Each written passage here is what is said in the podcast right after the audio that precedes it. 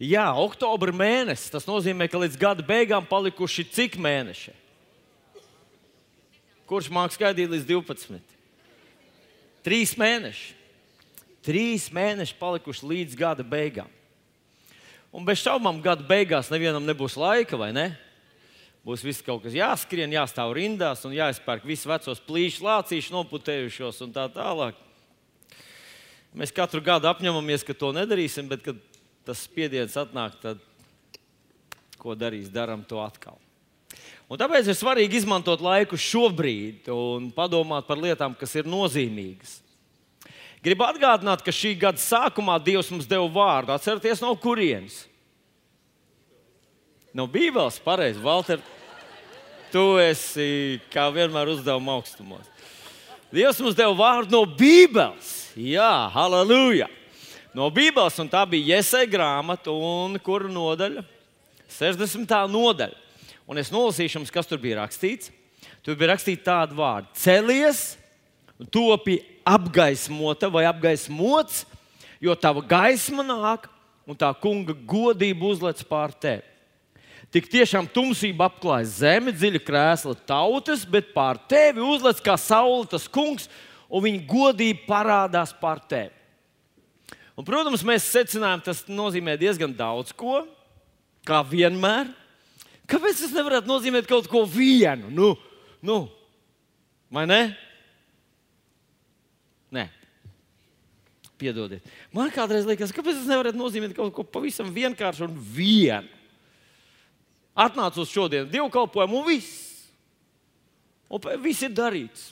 Pēc tam vienkārši atslābsti un, un viss ir kārtībā tavā dzīvē. Bet nē, tā nekad nav.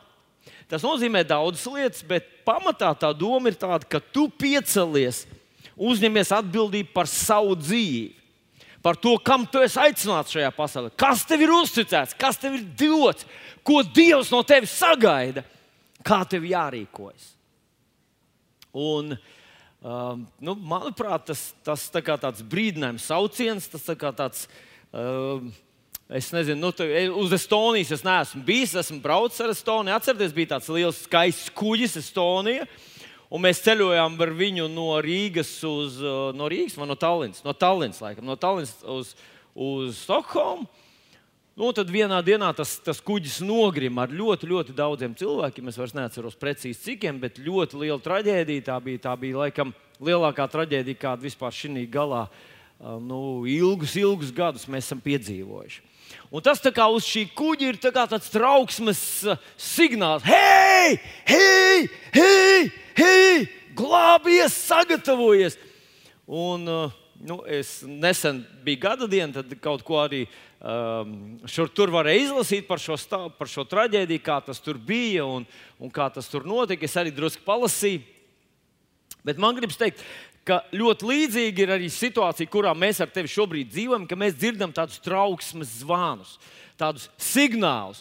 Varbūt to nesaka mūsu masu mēdīji, Un mēs tik ļoti lēnām pierodam pie tā, ka Ziemeļkoreja draud ar raķetēm, Amerika draud ar raķetēm, uh, Japāna tur draud ar raķetēm, Krievija draud ar, ar, ar, ar kaut kādām mācībām, mums tur stāsta, NATO gatavojas, mēs esam gatavi un, un tā tālāk. Nu, Avārskot, vai jūs esat ievērojuši? nu, manā jaunībā bija, tā, uh, bija tas teiciens, ka nekad vairs, nu, kara vairs nebūs. Mēs esam visi sapratuši, mēs zinām, kas ir briesmas, ir karš.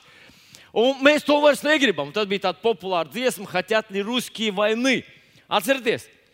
Jā, man liekas, es arī nu, savā laikā esmu dzīvojis tajā vidē, un tādā man liekas, tā ļoti sirsnīga dziesma. Ne tikai Ruski negrib karu, bet latvieši negrib karu, ukraiņi negrib karu, vācieši negrib nevienu. Jo karš tas ir nebeidzams asins, nebeidzams bēdas, naids un, un sabojāts cilvēku dzīves, iznīcināt cilvēku aicinājumu.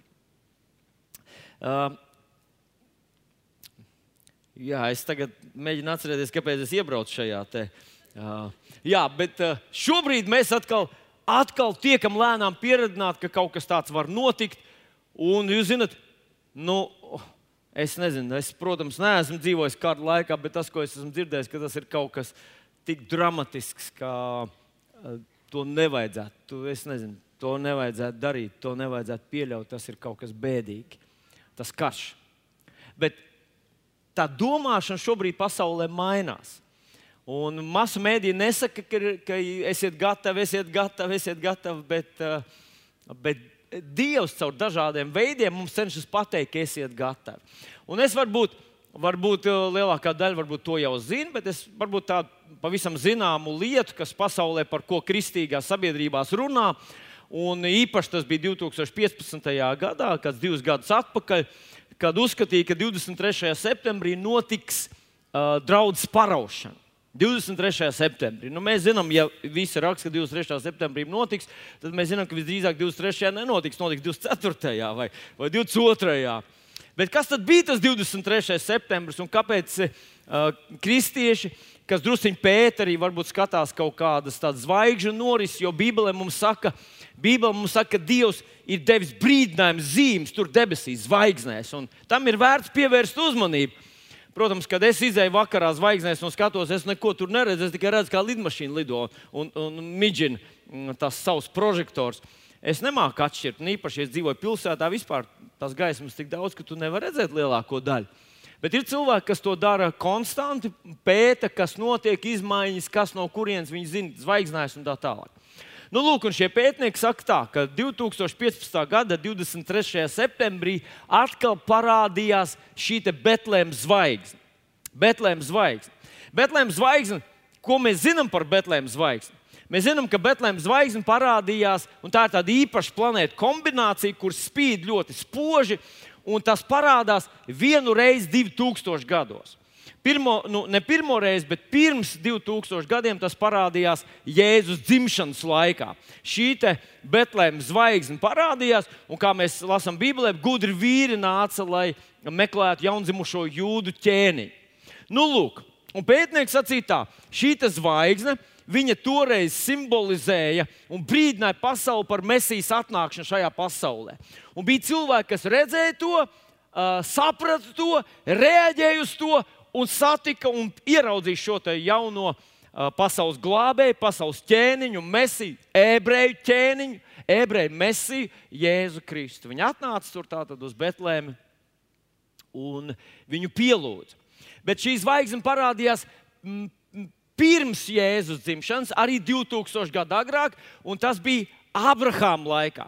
Tas bija Abraha, apmēram tajā laikā. Bībeles pētnieks saka, ka tad, kad Abrahāms runājās ar Dievu, un Dievs slēdz ar viņu derību, tad Dievs viņam teica, paskaties, zvaigznēs, tik daudz būs tavu pēcnācēju. Un Abrahāms, kā mēs visi zinām, ebreju, tautu uzskata viņu par Abrahāmu, par, par savu tēvu. Abrahamam bija dēls Īzāks, un Jākam bija dēls, un Īzākam bija dēls Jēkabs, un Jākam bija 12, 12 uh, dēli. No tā brīža viņi sākās nu, sāk saukt par ebrejiem. Vai, vai šī ebreju tauta izveidojās no Abrahama, uh, Abrahama dēliem? Nu, tā tad mēs varam teikt, Ir, ir pētnieki, kas saka, ka šo zvaigzni nosauc par ebreju zvaigzni. Katru reizi, kad šī zvaigzne ik pēc 2000 gadiem parādās, kaut kas notiek ebreju tautā. Tātad pirmoreiz, nu, vismaz to, ko mēs zinām, viņi parādījās Abrahamam. Dievs teica, paskaties, zvaigznēs, tik daudz būs tev pēcnācēji. Tas bija, tas bija tāds brīdinājums zīme, ka Dievs uzsāks savu sadarbību un uzsāks savu darbību ar ebreju tautu. Pēc 2000 gadiem tā parādījās, kad piedzima ebreju mesija. Jēzus Kristus atkal šī zvaigzne parādījās un brīdināja cilvēkus, kas vēroja zvaigznes. Viņi sacīja, ir piedzimis, ir atnācis tas, par ko Bībele runāja. Un viņi atnāca, viņi satika un pielūdza. Un šī zvaigzne parādījās atkal uh, divus gadus atpakaļ, 2015. gadā, 23. septembrī. Cilvēki gaidīja kaut kas, kas tad notiks tajā dienā. Un nekas nenotika.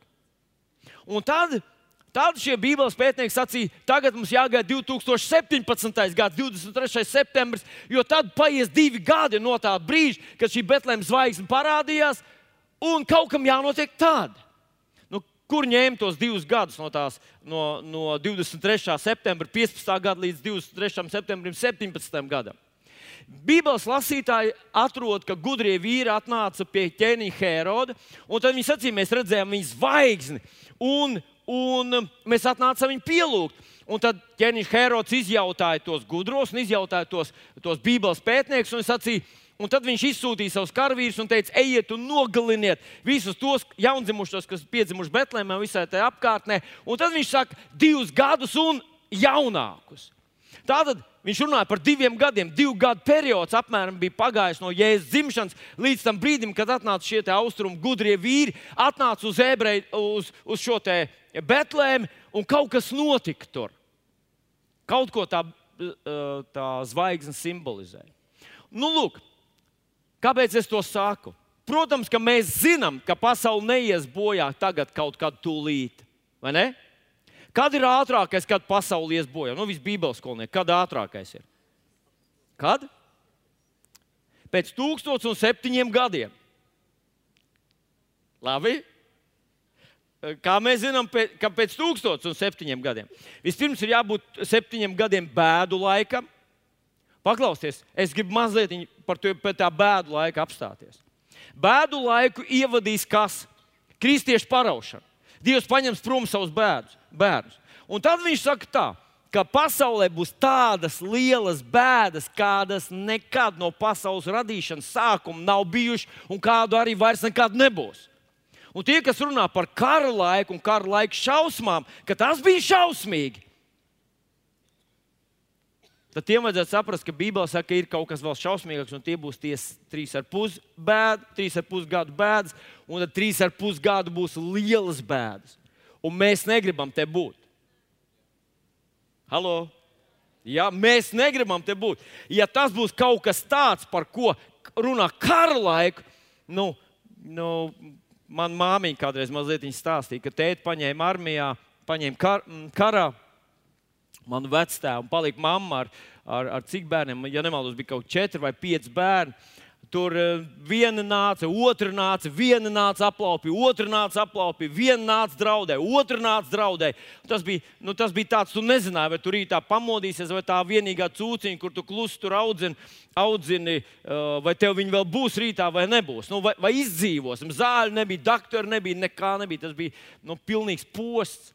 Un tad Bībelē saka, ka, ka, ka tas būs laiks, kurš ir smagāks un grūtāks. Nevar salīdzināt ar, ar šādu kara laiku. Un tātad mēs negribam te būt. Un ja, ja paraušana ir tas, kas iesāks šo laiku, es gribu būt parauts, es gribu būt gatavs. Kungs, es gribu, es gribu tur, kur man jābūt, tur būt. Halleluja! Bet kāpēc es to stāstu? Ir vēl, ir, ir vēl uh, zvaigžņu pētnieks, saka, no atklāsmes grāmatas 12. nodaļas, kur rakstīts, ka sieva parādījās, un viņa bija grūta, tad viņa dzemdēja viņa virs, uz viņas galvas 12 zvaigznes. Ka tieši tas ir noticis šobrīd, uh, Un, un tā ir jauna zīme, tur virs viņas zvaigznes, tur ir viens cits zvaigznājs virs viņas, un tās ir desmit zvaigznes, bet sagadījās, ka vēl divas planētas tur kā zvaigznes spīdē. Tieši 12 zvaigznes viņas, un tad viena cita planēta ienāca šajā jaunā zvaigznājā un atradās tieši tur, kur, ja tā būtu jauna, viņai būtu tas klēpis, un viņa tur atradās tā zvaigzne, un tad viņa aizgāja tur, nu, tā it kā viņa būtu dzemdējusi. Un viņas, ko? Deviņus mēnešus, jā, tas viss process tur ilga. Un zvaigžņu pētnieks saka, tas ir tas, ko atklāsmes grāmata mums saka, ka pienāk, zīme būs debesīs. Tur, tur tieši tā ir uzrakstīts, ka zīme būs debesīs, ka jaunā un viņai ir zvaigznes 12 virs viņas galvas, un tad viņas dzemdēs. Un, un, un tad tur vēl nākamās zīmes kaut kādas. Bet es, um, kāpēc es to pieminu šodien? Iespējams, ka vajadzētu to smalkāk izstāstīt. Un varbūt mēs to izdarīsim, bet tu to vari viegli atrast YouTube. Ir ļoti daudz cilvēku par šo runā. Katrs domā kaut ko, kas tas varētu notikt. Bet es to saku šodien tāpēc, ka Dievs mums dod zīmes. Acīm redzot, kaut kas notiek pie ebreju tautas, kaut kas labs visdrīzāk. Iespējams, ka evanģēlijas atgriežas pie ebreju tautas, pie ebreju tautas. Un mēs nezinām, kā. Mēs varbūt no malas to nemaz nevaram pateikt, bet Dievs lēnām modina kaut kādus cilvēkus tur uz vietas, ko ārēji mēs neredzam. Bet viņa sirds atverās, viņa sāk atklāt ar vien vairāk un vairāk. Un esmu lasījis par vairākiem ļoti spilgtiem, augsta ranga ebreju rabīniem, Rabīniem, kur it kā pārstāv to mūzu ticību, ka viņi ir atklājuši, ka Jēzus ir tas mesija. Un viņi kaut kādām šifrētām zīmēm to nodod uh, tiem saviem sekotājiem, jo viņi nevar to atklāt, pateikt. Tad viņus uzreiz no nu, nu, visa viņiem atņems un vispār viņus, viņus, uh, nu, viņu status iznīcinās. Bet šī atklāsme par to, ka Mēsija, Jēzus ir Mēsija, ka viņš ir ebreju tautas Mēsija, ka viņš ir tas, kurš piedod un salīdzina cilvēkus, viņš ir vienīgais ceļš uz debesīm. Iespējams, šī atklāsme šobrīd iet no cilvēka uz cilvēku. Varbūt tas tāpat kā Ķīnā notiek paslepus, kaut kur, kaut kur uh, klusās, nu, klusās uh, tādās satikšanās reizēs. Bet uh, Dievs mums brīdina pie debesīm, iededzinot šo atkal zvaigzni. Kaut kas notiek ar ebreju tautu. Dievs kaut ko tur dara. Un mums tam vajadzētu arī mūs iedrošināt. Nu, viena saka, ka tas nozīmē, ka pagānu žēlastības laiks uz, iet uz beigām. Otrs saka, ka pagānu žēlastības laiks beigsies ar atmodu. Un tas nozīmē, ka arī mums šeit, Latvijā, būs atmodu. Un zināt, ko vēl ir interesanti? Ka vairāk atkal un atkal, un, un pēdējais bija šis Bens Fidžerāls, kas bija atbraucis šeit pie mums. Un tad viņš teica, ka viņš ir dzirdējis no vairākiem, visur pasaulē, kur viņš iet un kur viņš satiekās ar daž, dažādiem dievu vīriem. Atkal un atkal viņš dzird Latvijas vārdu. Un viņš saka, kaut kāds dievam nodoms ir pie šīs mazās necilās tautiņas un pie šīs mazās zemīs. Kaut ko Dievs te grib darīt, kaut kas dievam plāns ir. Un tāpēc nākamajā gadā šeit būs tas Europa Awakening.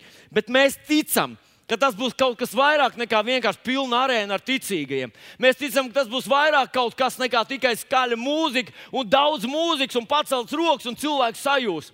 Mēs ticam, ka mēs ar tevi atmodīsimies patiesā mīlestībā uz Kristu, ka mēs izpildīsim šo savu pēdējo laiku misiju un uzdevumu. Mēs nevis gatavojamies nomirt, mēs gatavojamies spīdēt. Iebikstam, kurš sēž tev blakus. Pirms nāves ir jāpaspīd mazliet. Nu, tu par to nav. Jūs zināt, pff, nu labi, es tā ir cita tēma citreiz. Mums ir mēneša pirmā svētdiena šodien, un, un mums ir vakarēdiena šajās mēneša pirmajās svētdienās. Un mēs šodien arī baudīsim vakarēdienu, bet uh, uh,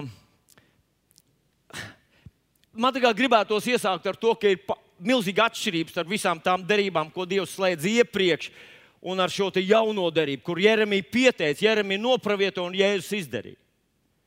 Un šī starpība ir tāda, nu, nu pieņemsim, ar Abrahāmu. Dievs noslēdz derību ar Abrahāmu.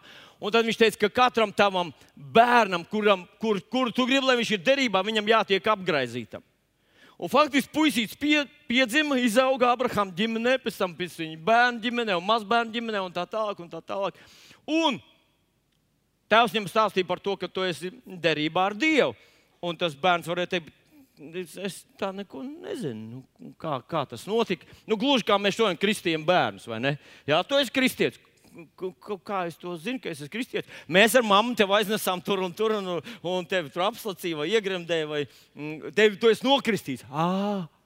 Nu, tā tas bija ar Abrahāmu. Bet Abrahams apgaizīja savus dēlus, un, un dēls teica, bet es nejūtos, ka es esmu derībā. Nākamais, ka ies uz labierīcību un paskaties, tu esi derībā. Nu, viss ir konkrēti un skaidri. Nu, Tad Abrahams noslēdz derību ar Dievu priekš visiem saviem bērniem. Tie vienkārši nostādīja viņus faktu priekšā, jūs tur esat iekšā. Vēlāk mēs lasām, ar mūzu bija līdzīgi. Dievs atnāca, lai noslēgtu derību ar tautu, un tauta teica, nē, nē, nē nerunā ar mums, lai iet mūzis ar tevi runā, mēs te pastāvēsim maliņā un pagaidīsim. Un Mozus uzkāpa kalnā, viņš tur bija 40 dienas. Un viņš noslēdz šo derību starp Dievu un Izraēlu tautu, un viņš atnāca atpakaļ un teica, viņiem derība ir noslēgta. Bet šī laikā, kad Jēzus slēdz šo jauno derību, viņš to izdarīja ar mācekļiem, un mēs par to lasām Lūkas evanģēlijā, 22. nodaļā. Mēs lasām, ka Jēzus sasauca visus savus mācekļus, viņš pārlauza maizi. Un tiem to deva, sacīdams, tā ir mana miesa, kas par jums to dod. To dariet man pieminēdam. Tāpat arī biķerē pēc vakarēdienas sacīja, šis biķers ir jaunā darība manā asinīs. Cik kārt jūs no tā baudat, to dariet man pieminēdam. Un tad vēlāk mēs lasām, ka apelsīns Pāvils saka, es no tā kunga to saņēmu un jums mācīju tālāk. Viņš tā kā šo derības simbolu, šo derības uh, esamības faktu, viņš no, lai to nopersonalizēja līdz katram individam. Katrs no mums Un šodien mēs arī to darīsim. Katrs no mums tā kā nostājamies šajā derības slēgšanas vietā, un mēs to it kā atgādinām vēlreiz. Mēs esam derībā. Es esmu derībā. Un es šeit redzu, ka Dievs gribēja, lai šī derība ir personīga. Nevis tur Abrahāms noslēdz priekš tevis, nevis Mozus noslēdz priekš tevis, nevis Jēzus tur noslēdz priekš tevis, un Jēzus tiešām to izdarīja priekš mums, bet viņš to no nofokusē līdz katram no mums, līdz pilnīgi ikvienam no mums. Rekord, līga, es esmu derībā ar tevi. Jaunā derība, reko ēd man miesu, man maize, tā ir mana miesa un dzer manas asins. Jēzus, burtiski. Un tad viņš piegāja, nu, viņš to izdarīja visiem saviem 12 mācekļiem, bet tas ir tas, ir tas nu, Tas ir tas, kā viņš dara ar mums visiem. Tad viņš nonāca pie, pie, eh, pie Olīdas, pie Lilijas un Olīdas, pie konkrēti, jā, un teica, rekur, mana miesa, un rekur ir mana svētība. Un tad viņš aizgāja pie Elizabetes, rekur, mana miesa, un rekur jaunās derības biķēs. Un tad pie Andra. Un viņš nevienu neizlaida un nevienu neaizmirs. Un zināt, kas bija vēl ļoti, ļoti, um, ļoti spilgti tas parādās pie viena puika, kas bija tajā bariņā, bet viņš vienkārši bija tajā bariņā. Nu, kāpēc viņš tur bija? Mēs nezinām, acīm redzot, Dievs viņu arī aicināja, bet viņš to tā īsti neapzinājās. Un to puiku sauc Jūdas. Mūsu apziņā Jūdas varbūt viņš tāds sliktais tēls, un viņš tur nodevējis un nezinu, ko vēl. Bet viņš uzreiz tāds nebija. Viņš bija viens no tādiem pašiem cilvēkiem, kur Dievs aicināja un gribēja viņu padarīt par apakstu. Viņš gribēja piepildīt viņa dzīvi ar reālu saturu un jēgu, un lai viņš sēž pie viņa troņa debesīs, eh, kur 12 apakstuļi sēž. Bet kaut kas ar viņu notika. Un zinot, kā es to izskaidroju tā. Nu, varbūt tu arī kādreiz tā esi jūties. Es pavisam droši varu pateikt, ka es kādreiz tā esmu jūties. Kad tu dziedi to pašu dziesmu, kur visi dzied. Un tu kādreiz tā pamet skatu pa labi, kādam tā kā asars, kāds tur nometies zemē. Valters vispār te, nu, vibrē. Un tu pie sevis domā, varbūt vēl vienreiz jānodzied, tad kaut kas būs. Nu, tu tā kā, tu tā kā esi tur iekšā un reizē nēs.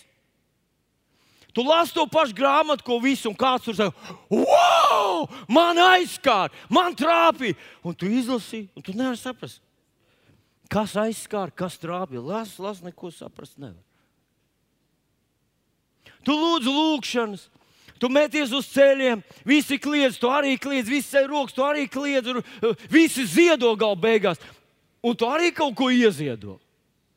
Un domā, nu, un nekas. Tad te viss sūta evanģelizācijā, un visi tur stāsta par mesiju, rokas iet pa gaisu, un tu arī beidzot saņemies kaut ko pateikt. Tu nu, nu, sanāca brīžiem. Bet tu vēl aizvien jūties, it kā tu tur esi, un reizē nē. Un, zinot, manuprāt, Jēzus ar to nesamierinās. Un tajā pašā vakarēdienā, reizē tas ir kā pašā beigās. Es domāju, ka tā nebija vienīgā reize.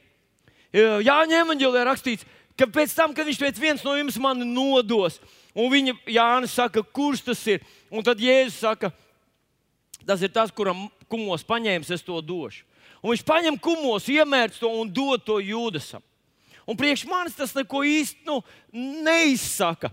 Bet uh, tā laika tradīcija pētnieks saka, ka tas bija ka tas bija īpašs žests, tas bija tāds īpašs cieņas, īpašs mīlestības, īpašs uzticības žests, kur Jēzus parādīja Jūdasam, zinot to, ka viņš savā galvā jau nesēja tādas domas, ka varbūt kaut kā tik tālāk, es laikam neiedaros, es, nu, man, mani neuzrunā, es laikam esmu no citurienes. Jēzus viņu uzrunā un saka, Jūdas, es gribu personīgi tevi. Es gribu tieši tevi. Viņš pasniedz viņam šo īpašo. Nu, vispār saka, ebreju tautai tas kopējs ēšanas tradīcija, ka tā ir ļoti intīma un personīga.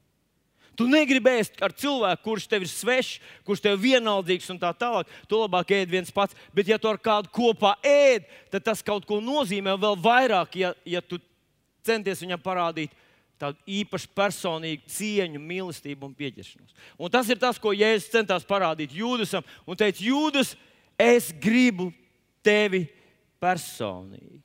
Es gribu tevi personīgi. Nu, kāpēc? Es tā jautāju, nu, kāpēc es nevaru vienkārši būt viens no simta? Es tur sēžu, Jā, jā, es saprotu, ka tā ir pareizā ticība. Es arī dziedu dziesmas, es ceļu rokas. Jā, es, nu, nu kas man jādziedo, es noziedoju. Kāpēc ar to nepietiek? Kas man jādara? Jā, evangelizēt, labi. Man, man, es nedrīkstu lamāties, labi. Smēķēšana jāatmet, nu labi. Nu, vismaz svētdienās nesmēķēšu. Nu, ir tādi svēti cilvēki, viņiem ir pilna apņēmības. Nu, labi, svētdienās es nesmēķēšu. Un tad, nu, labi, es, es nestāstīšu par vienu mācītāju, kurš aizstāvēja dzeršanu. Tad viņš teica, zini, bet svētdienās gan es nedzeru. Es teicu, wow, tu esi varonis, šī tāda pašaizliedzība dieva dēļ. Tu neej pilā uz dievkalpojumiem. Nu, es nezinu, Dievs noteikti to novērtēs.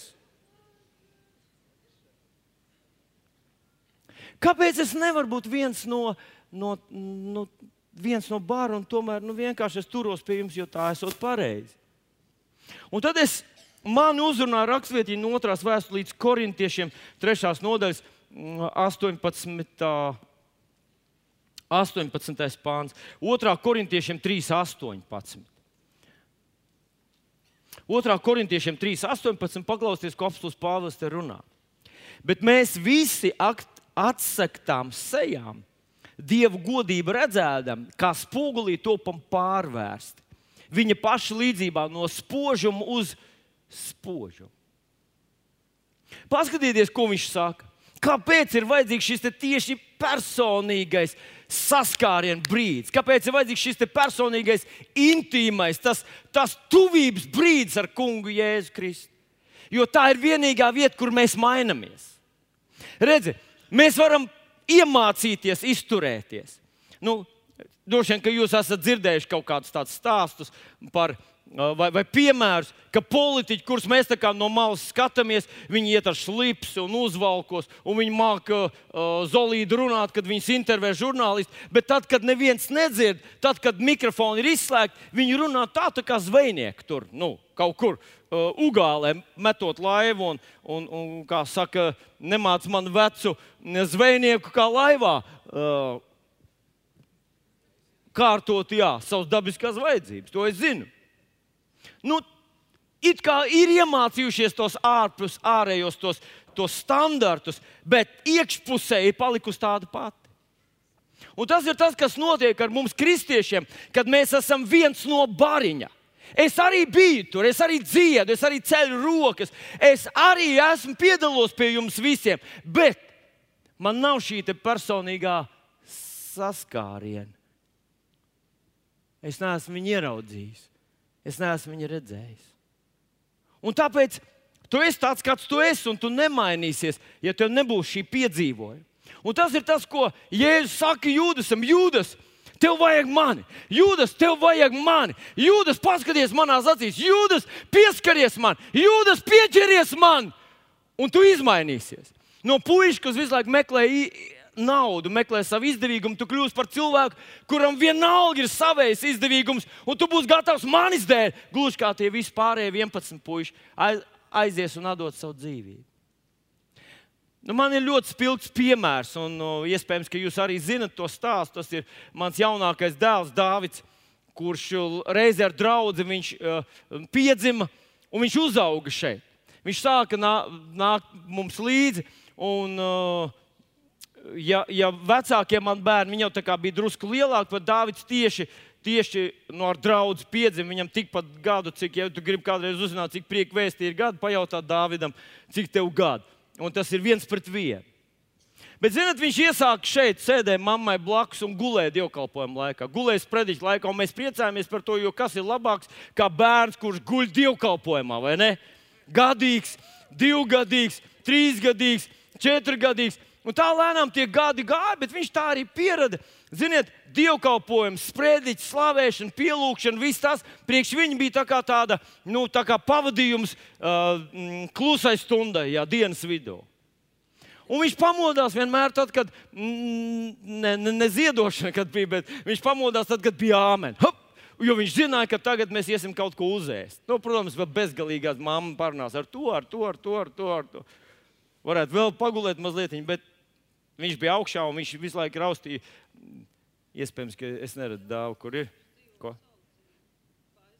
Nu? Kad viņš palika lielāks, protams, tad mēs vairs nevarējām viņu atrast. Kādreiz es atceros, VF kultūras pilī, es vēl lūdzu kārtībniekiem, es neredzu savus bērnus. Kārtībnieki, lūdzu, atrodiet mūsu bērnus. Un tad šie jau zinām, kaut kur tur slēpās. Tā bija vesela piedzīvojuma, svētdiena bija vesels.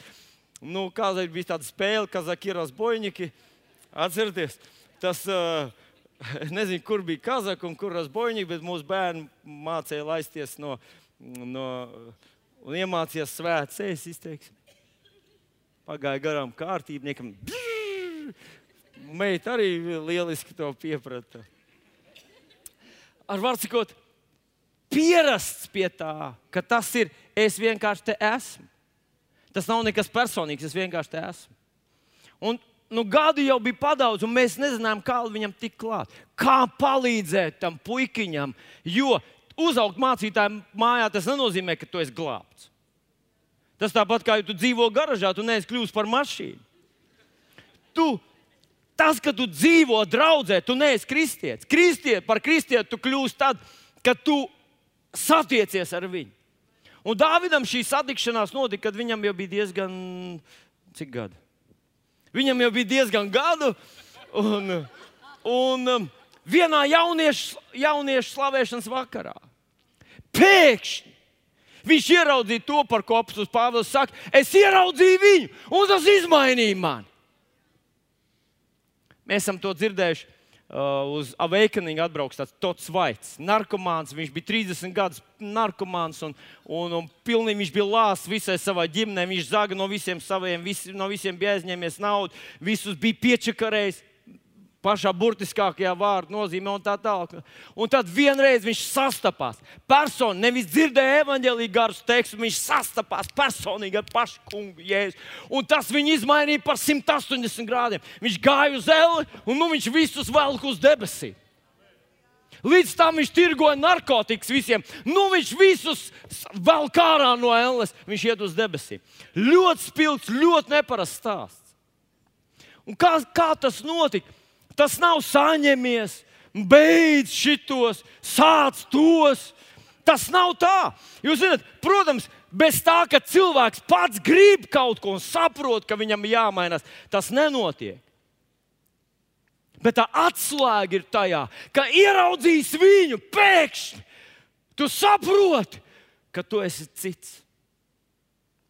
Vecākie kristieši brāļi māsas man piekritīs, ka tu kad tu sastopi viņu savā lūkšanā istabā.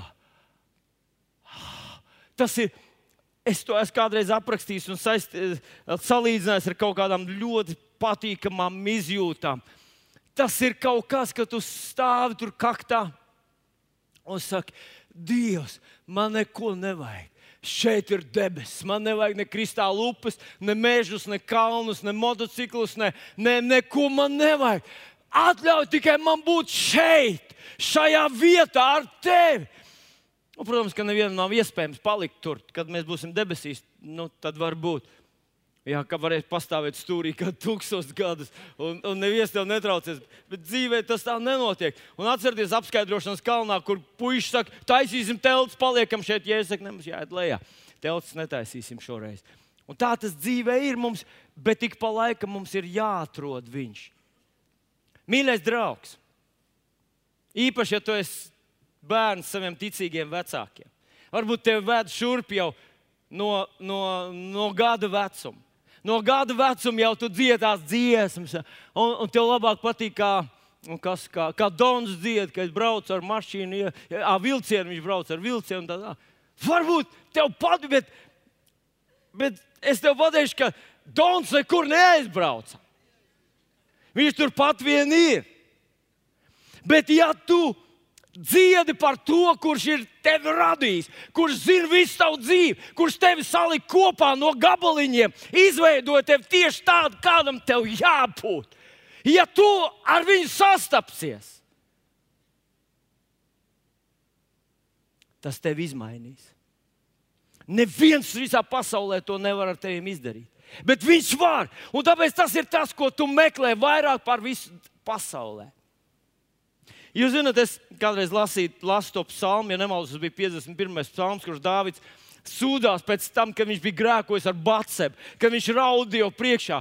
Un tad viņa dzīvē tas atnes nu, ļoti liels zaudējums. Viņš pazaudēja vienu no saviem uzticamākajiem kalpiem. Tas, tā ziņa izpau, izplatījās visapkārt. Pēc tam tas atgriezās uh, pār viņu ģimeni, kā lāsts. Tur visu laiku nemitīgi bija problēmas, tur viens otru nogalināja un, un, un tā tālāk. Bet zinat, par ko viņš raud visvairāk? Dāvids raud par to, ka es esmu ar attiecības ar tevi saboj, sabojājis. Tevi es esmu sāpinājis, pret tevi vienas esmu grēkojis. Viņš saka, ka, protams, cilvēks, viņš jau bija gudrs vīrs. Viņš ir salīdzinot visas tās cilvēcīgās lietas ar to, ka esmu tevi apbēdinājis, ka es nodarīju tev sāpes. Tās ir mazas lietas. Kādreiz, kad tu parunā ar cilvēkiem, kuri, kur, kur ģimenēs ir bijušas problēmas, tad bieži, bieži viens un otrs vīrs un sieva stāsta par to, kā tas otrs bija tur un, un, un, nejūtīgs un, un, un augsts. Un, un, un, un, Jūs saprotat, jā. Tāpēc nu, es izdarīju to, ko es izdarīju. Bet ik pa laikam ļoti reti tur sastapties ar cilvēku, kurš nevis vaino to otru, bet saka, pats, kā es nodarīju sāpes tam savam draugam. Kā, teiksim, sieva, kā viņa, es tikai varu iedomāties, kā viņai sāpēja tas Viņš varēja teikt, man tas sagādāja forši, man bija labs piedzīvojums, bet, bet viņš saka, un nevis vaino viņu, bet saka, ak, Dievs! Tas man atgādina kaut kur šo te Dāvidu. Es tev sāpināju, es tev apbēdināju. Man ir tik ļoti, ļoti žēl. Man jāsaka, ka savā eh, nevisai garajā kristiešu mūžā esmu piedzīvojis tādas reizes, kad esmu kaut ko salaidis grīstē. Un tad es atvainojos, un es zinu, ka viņš ir samaksājis visus manus grēkus, ka viņš ir piedevis un izdzēsis un tā tālāk. Un no tā aspekta, kā es varētu teikt, viss ir nokārtots. Bet, zinot, ik pa laikam, kad es nonāku Dieva klātbūtnē, pēkšņi atnāk par mani tas bet es tā nodarīju tev pāri. Es tev sāpināju, es skumdināju tevi. Man ir žēl, man ir tik ļoti žēl. Un, un it kā tu to nokārto, un tas aiziet, un tu lūdz, un tev ir labi. Un nākošais, kad tu atnāc, atkal tā, ka tu. Mm, es nezinu, kā es neticu, ka tas ir svētais gars, bet varbūt ka ir. Vienkārši saprast, ka Dievs tevi mīl, un tāpēc viņam nav vienalga, kā tu dzīvo. Dievs ir taisnīgs, tāpēc viņam nav vienalga, ko tu runā, ko tu domā. Attieksmes, kādas tev ir, tu sāpini, aizvaino un apbēdini pašu savu Dievu. Un te ir tā tā nākošā rakstvietiņa, kuru es gribu jums atgādināt, tā ir no ebreju vēstulītes 12. nodaļas, no 14. No 12. līdz 14. pantam. Uh, no 14. piedodiet, dzenaties pēc miera ar visiem un pēc svētas dzīves, bez kā neviens neredzēs to kungu. Ievēram, mēs tikko runājam par to, ka ieraudzīt viņu, tas mani pārvērš. Tas nozīmē, ka es nevaru viņu redzēt, ja es dzīvoju grēkā. Un padomājiet, mīļie draugi, Ja mēs izmantojam šo dzīvošanu grēkā, vai dzīvošanu egoistiski, pēc savām mīsīgām kārēm, dzīvošanu savā turedzīgajā, mīsiskajā uh, apetīšu un, un, un līmenī, mēs attaisnojam to ar to, ka mums jau viss ir piedots, ka man viss grēki ir salīdzināti un ka es esmu Dieva bērns un tā, tā un to nevar tā izmainīt. Es it kā saku Dievam, tu esi tik labs un tāpēc es es grēkoju. Tāpēc es mm, iekāroju, tāpēc es, man ir atkarības, kuras es klusu uzmanu un cenšos viņas kontrolēt, tā, bet man viņas ir. Un es ar viņām spēlējos, tāpēc, ka tu esi tik labs. Es tā kā vainoju Dievu, ka viņš ir tik labs, un tāpēc es no viņa vairs nebaidos. Man bija kāda laiciņa atpakaļ, tāda lūkšana, tāda ļoti, kas man izbiedēja. Dievs, es no tevis vairs nebaidos. Un tas ir briesmīgi. Es vairs nesargāju mūsu attiecības. Man ir tāds sajūta, ka, hei, hei, ja vien es nedaru kaut kāds liels grēks, tad viss ir kārtībā. Bet patiesība ir tāda, ka tad, kad es, es vainoju Dievu par to, ka es dzīvoju kaut kādos grēkos, grēciņos, kaut kādās slepenās lietās, meloju, aprunāju, ka man ir man, man iedomā draudziņš kaut kur manā galvā, varbūt, varbūt pornogrāfija, varbūt, varbūt kādas citas atkarības man ir klusiņām, ko es tā slēpu no visiem tā prasmīgi, prasmīgi sadzīvoju ar viņām. Faktiski es abēdinu Dievu. Un tad šī iespēja ieraudzīt viņu, piedzīvot viņu un mainīties, man ir zudusi.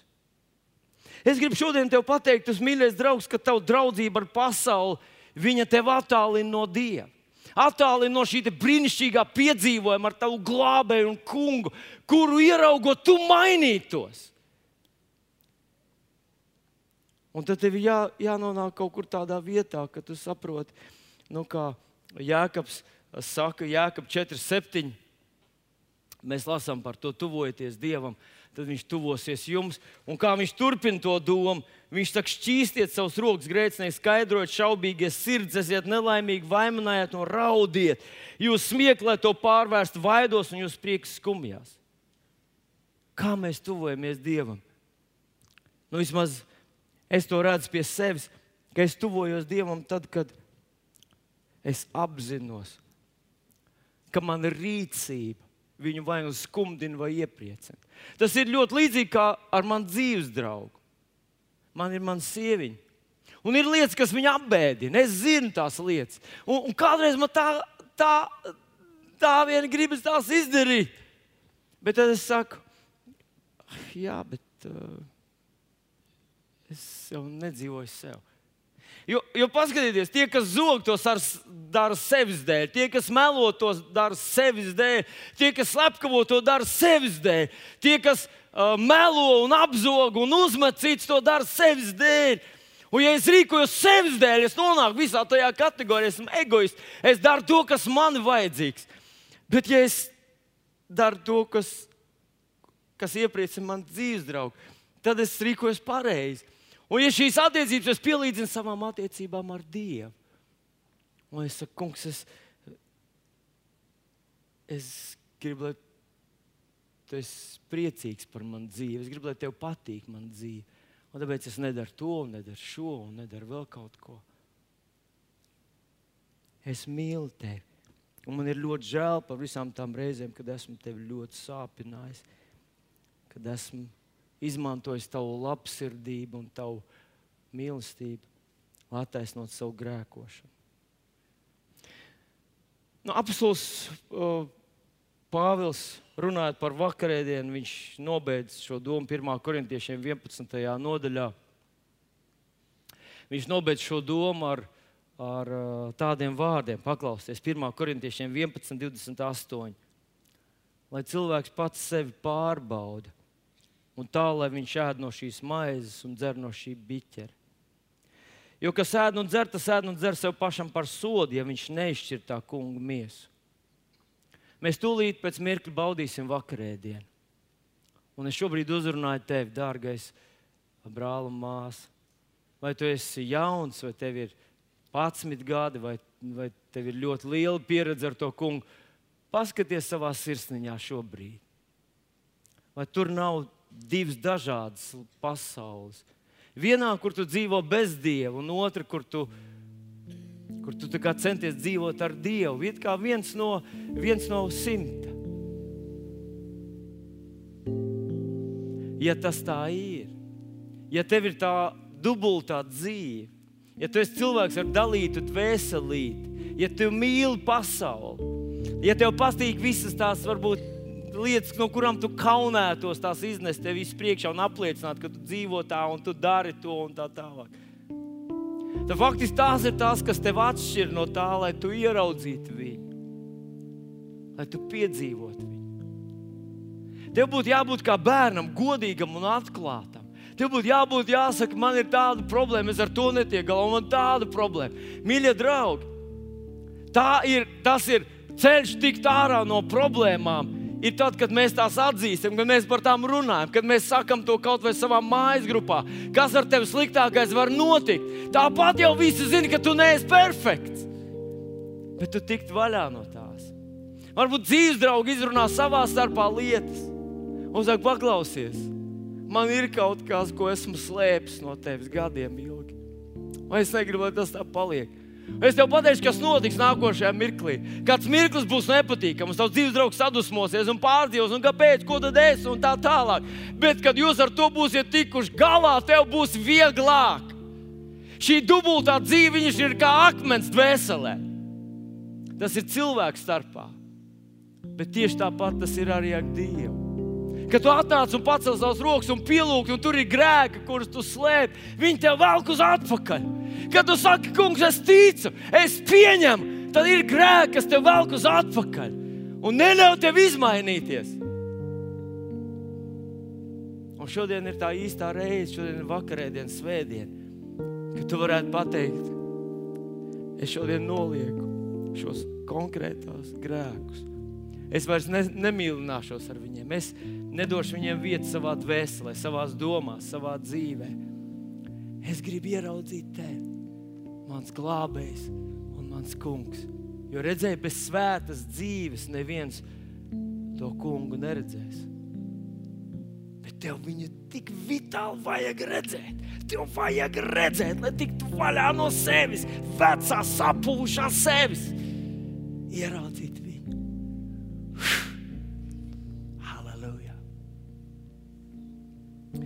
Mēs uh, mirklīt paņemsim šobrīd. Es gribētu, lai tu noliec savu galvu un paskaties savā sirsniņā iekšā, savā dvēselītē. Un tad pēc mirkļa mēs arī baudīsim vakarēdienu. Neskaties pa labi un pa kreisi, nevienam nebiks. Paskaties uz sevi. Paskaties uz sevi. Tas pats taisnais Dievs, kurš sadauzīja Jēzu, nomocīja viņu. Kāpēc? Tāpēc, ka grēkam pienākas sots. Ja mēs atklāti, drosmīgi dzīvojam grēkos,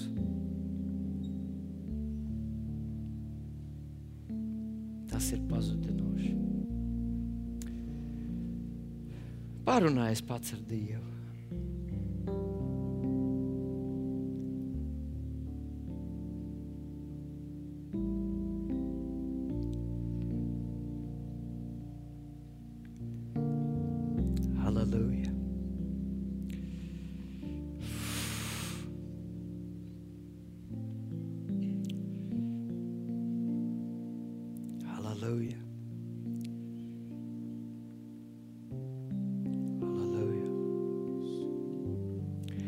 Cilvēks pats sevi pārbauda.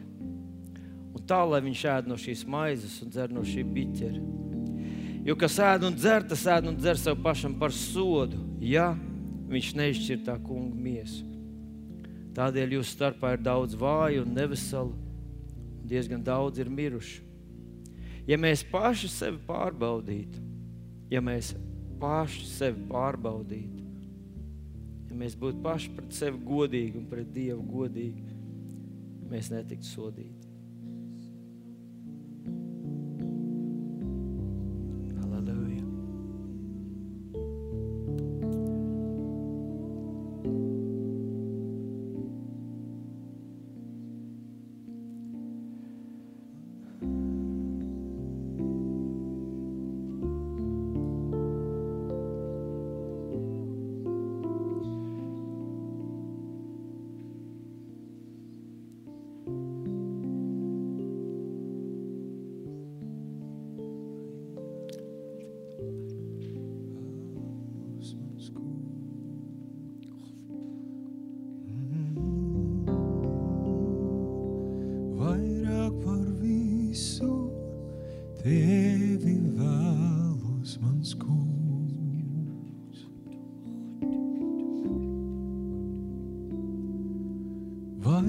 Vairāk par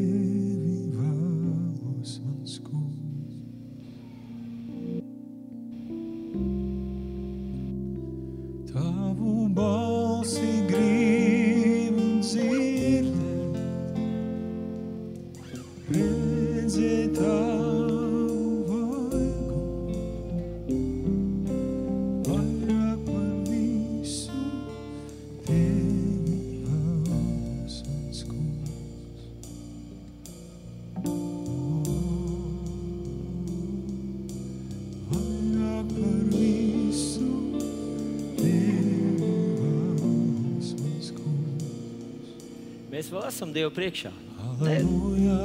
Ne, ne, netērē laiku pavēlēt, parunājies ar Dievu.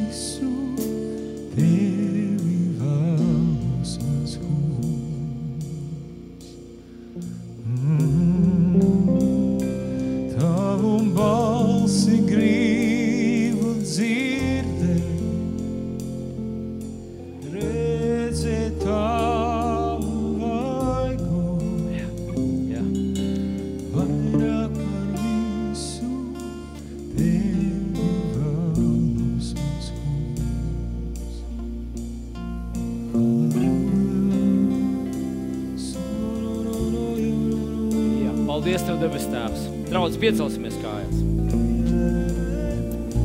Debes Tēvs, mēs Tev pateicamies par šo brīnišķīgo reizi. Mēs pateicamies, ka mēs esam cilvēki, kas ir godīgi. Cilvēki, kuriem ir viena vienīga dzīve. Un tā ir atklāta un patiesa. Tās ir attiecības ar Tevi, attiecības ar cilvēkiem. Debes Tēvs, mēs pateicamies, ka mēs varam uzticēties Tev, paļauties uz Tevi. Un mēs gribam dzīvot dzīvi, kas ir Tev patīkama. Mēs gribam rīkoties saskaņā ar, tavu, ar Tavām vēlmēm, saskaņā ar Taviem standartiem. Dievs, mēs gribam būt patiesi un godīgi ar Tevi. Mēs gribam iemīlēt Tevi vēl vairāk. Paldies Tev par to. Kungs, šajā rītā es lūdzu par visiem tiem, kas šorīt nožēloja savus grēkus. Par visiem tiem, kas atzinās savos noziegumos, tev tavā priekšā, un kas teica, es negribu vairs dzīvot dubultu dzīvi, es esmu nogurs, būt sadalīts. Šajā rītā es lūdzu, lai tu šķīsti mūs, šķīsti mūsu dvēseles, šķīsti mūsu dvēseles. Es lūdzu, lai Jēzus asins šķīsta mūsu dvēseles.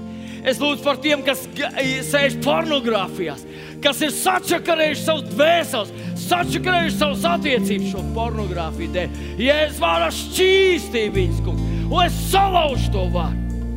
Es runāju par, es lūdzu par tiem, kas ir dzīvojuši melos, kas melo, melo, melo, melo. Un tā ir meli ir kļuvuši par daļu no viņa personības. Šķīsti viņš šodien, kungs. Es salaužu šo melu atkarību, es salaužu šo melu varu par viņu. Jēzus vārdā. Halleluja! Halleluja! Tēvs, es lūdzu par tiem, kam ir kaut kāds ārlaulības sakars, bezlaulības sakars. Dievs, es lūdzu par tiem, kas dzīvo, dzīvo seksuāli rakstura grēkos. Šajā rītā es lūdzu, debes Tēvs, palīdz, palīdz šiem cilvēkiem izrauties no šī pazudušā atvara. Šajā rītā, kungs, es lūdzu, šķīst viņu dvēseles. Es salaužu šo atkarību varu.